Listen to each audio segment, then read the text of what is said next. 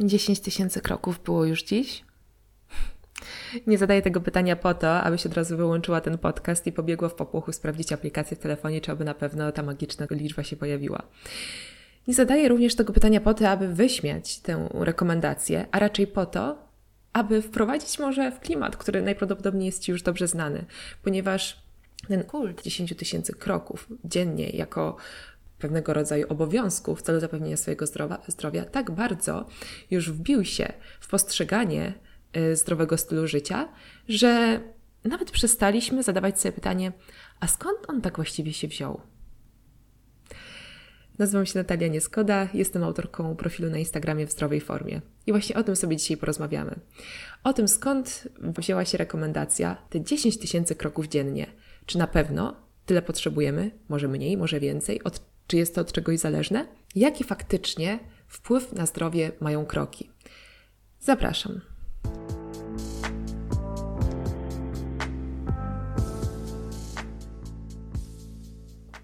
Na początku może zastanówmy się. Patrząc tak na nasze parametry zdrowotne, patrząc na różne parametry, różne rekomendacje, to wszystko mieści się w jakichś widełkach. Już tłumaczę o co chodzi. Zerknijmy na przykład na zapotrzebowanie białka w diecie, które wynosi, jak wiemy, od 10 do 20% mm, dziennego zapotrzebowania energetycznego. Takie są rekomendacje, czyli widzimy, mamy widełki od 10 do 20%. Podobnie zresztą jest, spójrzcie, jak odbieracie sobie wyniki badań krwi. Tam również, w zależności od parametru, który sprawdzacie, są tam jakieś normy, ale nie ma praktycznie jednej cyfry, która byłaby prawidłowa, która wskazywałaby, o, to jest zdrowe. Przypuśćmy żelazo, jakaś jedna cyfra i o, idealnie. Podobnie nawet jest hmm, z tym nieszczęsnym BMI, ale tak jest. Nie ma jednego, jednej idealnej liczby, która jest idealnym BMI. Są jakieś tam widełki. A jakoś tak dziwnie się składa, że z tymi krokami nie ma widełek. Przyjęło się, że 10 tysięcy kroków. Oczywiście 10 tysięcy kroków i więcej, ale akurat 10 no to wydaje się w takim razie, że to musiało zostać poparte naprawdę żmudnymi, długotrwałymi badaniami, że szereg naukowców i bardzo duże populacje musiały być tutaj zbadane, skoro wysnuto wniosek, że 10 tysięcy kroków to jest właśnie ten gwarant zdrowia. No może przesadzam, nie gwarant, ale bardzo solidna, solidny krok ku dbaniu o swoje zdrowie. I skąd tak właściwie wzięła się ta rekomendacja? Nie jestem oczywiście pierwszą ani jedyną osobą, która zadaje sobie to pytanie. E, taką najpopularniejszą osobą, która starała się odnaleźć korzeni tej rekomendacji, była profesor z Harvardu z Departamentu Epidemiologii, profesor Lee, która szukała faktycznie rzetelnych, naukowych podstaw ku tej rekomendacji i nie znalazła. Ale znalazła prawdopod najbardziej prawdopodobne źródło, co prawda nie naukowe, ale źródło tej rekomendacji. Otóż w latach 60. pewna firma japońska produkująca krokomierze swoje nowe urządzenie nazwała 10 tysięcy krokomierz. Tak nazwała urządzenie w przetłumaczeniu na polski. Niby nie byłoby nic z tym dziwnego, no ale dlaczego 10 tysięcy? A dlatego 10 tysięcy, że znak 10 tysięcy po japońsku wygląda jak idący człowiek. Hmm. I pani profesor e, nie znalazła bardziej wiarygodnych źródeł mm, ku temu, Oczywiście od tamtej pory zostało przeprowadzone bardzo wiele badań, które starały się dojść, dojść do tego, jaka ilość tych kroków w ciągu dnia jest najlepsza. I okazuje się, że sprawa oczywiście nie jest taka prosta. To na przykład, na co zwraca mm, profesor Lee, która wydaje mi się, że nie jest jakąś wielką fanką tego zalecenia 10 tysięcy kroków, to jest to, że jakby my się różnimy. Dobra, my mieszkamy w miastach, mieszkamy w Polsce. W Polsce mamy chodniki w większości miejsc, ale na przykład na wsiach nie ma. W Stanach Zjednoczonych, no nie aż tak często, więc ciężko jest wtedy chodzić aż tyle. To jest bardzo uzależnione, jakby osobnicze, jest uzależnione od tego, gdzie mieszkamy, w jakim środowisku się obracamy. Nie każdy mieszka w na tyle bezpiecznej okolicy, aby być po prostu w stanie wyrobić te 10 tysięcy kroków. Tego typu rekomendacje nie są idealne, ponieważ zawierają tylko kroki, nie zawierają innej formy aktywności, a przecież jak wiemy, ok, chodzenie jest super, chodzenie jest ważne, ale może być, jest to jakby wysiłek fizyczny o umiarkowanej intensywności, ale może być doskonale zamieniony na inny, na przykład jazdę na rowerze, na pływanie. I Tutaj to już się nie wpisze w te 10 tysięcy kroków. To są pewne takie ubytki w tej rekomendacji, takie wynikające po prostu z, z pewnych rzeczy, których nie da się obejść. Co więcej, niektórzy owszem noszą cały czas ze sobą zegarki liczące kroki, jednak inni, w tym ja, nie. Jedyną opcją, która liczy mi jakby te kroki, no to jest automatyczna aplikacja, którą mam w telefonie. I tyle, tyle, ile chodzę z telefonem, tyle będę mieć kroków. I tym sposobem, jak wracam do rodziców, tutaj trochę mojej prywaty, jak wracam do rodziców, zostawiam telefon i jakby mam tyle kroków, co jak przeniosę telefon z, z jednego pokoju do drugiego pokoju, bo jakby wszędzie go, jak go zostawiam, cały czas się krzątam po domu, po ogrodzie, gdzieś wychodzę bez telefonu. I dlatego też moje statystyki, bo jak wracam od, od rodziców, to wyglądają naprawdę, naprawdę ciekawie, jak tak sobie czasem sprawdzam. I bardzo, bardzo często się tego nie bierze pod uwagę, bo faktycznie taka pozatreningowa aktywność fizyczna, której często nie bierzemy pod uwagę, to też robimy kroki. Często to jest właśnie większość tego, tej aktywności fizycznej, którą wykonujemy w ciągu dnia. Więc to też często nie jest brane pod uwagę. To szczęśliwie w coraz większej ilości badań jest zaznaczane przez samych autorów, między innymi właśnie przez przytoczoną wcześniej przeze mnie profesor. 10 tysięcy kroków to się wydaje dużo, szczególnie jeśli nosimy cały czas ze sobą krokomierzu. I faktycznie często jest dużo, szczególnie jeśli mamy możliwości wychodzenia na spacery. Dlaczego więc narzucać sobie cel, który jest dla nas nierealistyczny? Pewnie dla większości moich słuchaczy oczywistym jest, że jeśli wyznaczymy sobie cel nie do osiągnięcia, to najprawdopodobniej bardzo szybko się zniechęcimy. Dlaczego by nie zacząć od wyznaczenia sobie mniejszych celów, celów dostosowanych do nas? I właśnie badania wskazują, że na przykład osoby, które dziennie robią około 2000 kroków, czyli to jest mało, ale dodały do tego dodatkowe 2000 kroków, to u nich zaobserwowano zmniejszenie obwodu talii. To obwód talii jest takim ważnym parametrem wskazującym na ryzyko chorób metabolicznych, kardiologicznych przede wszystkim. Zmniejszenie obwodu talii o 2,8 cm w porównaniu z tymi, którzy nadal chodzili tylko te 2000. Widzicie, tylko 2000 dodane. Nie od razu 8000, żeby dobić do tych 10, czyli 2 mierzymy siebie samych swoją miarą, prawda?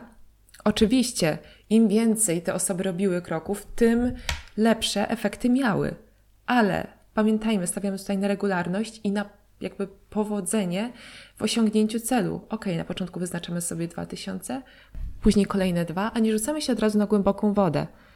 Wskazuje się również, że wprowadzanie takich, poza naszymi takimi codziennymi zadaniami, podczas których chodzimy, u osób takich zdrowych, dodanie 3 lub 4 tysięcy kroków y, w ciągu dnia, takiego żwawego chodzenia, przez przynajmniej 30 minut, jest ok, jest wystarczające dla dbania właśnie faktycznie o swoje zdrowie i stoi to w zgodzie z, z ogólnie zaleceniami dotyczącymi aktywności fizycznej. Jednakże sumując już to wszystko, to co ja znajdowałam najczęściej, to to, że w ciągu dnia takim punktem kiedy już jest ok i faktycznie przykładamy się w jakiś sposób poprzez aktywność fizyczną do naszego zdrowia, to jest 7-8 tysięcy kroków dziennie. To jest taki rozsądny próg aktywności fizycznej, który jesteśmy w stanie wykonać i który faktycznie już jest prozdrowotny. Przy czym badania również wskazują, że istotna jest tempo chodu, jego intensywność, ponieważ jeśli chcemy go postrzegać jako taki wysiłek umiarkowany, to powinien to być taki żwawszy chód, jeśli już tak chcemy go postrzegać.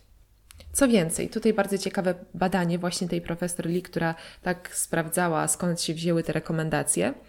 Wykazała ona, że kobiety, kobiety już w wieku pomenopauzalnym, po 70 roku życia, które robiły ponad 4000, tam było dokładnie 4400 kroków dziennie, zmniejszyły swoje ryzyko przedwczesnej śmierci o około 40% w porównaniu z kobietami, które wykonywały tylko 2700 lub mniej kroków w ciągu dnia.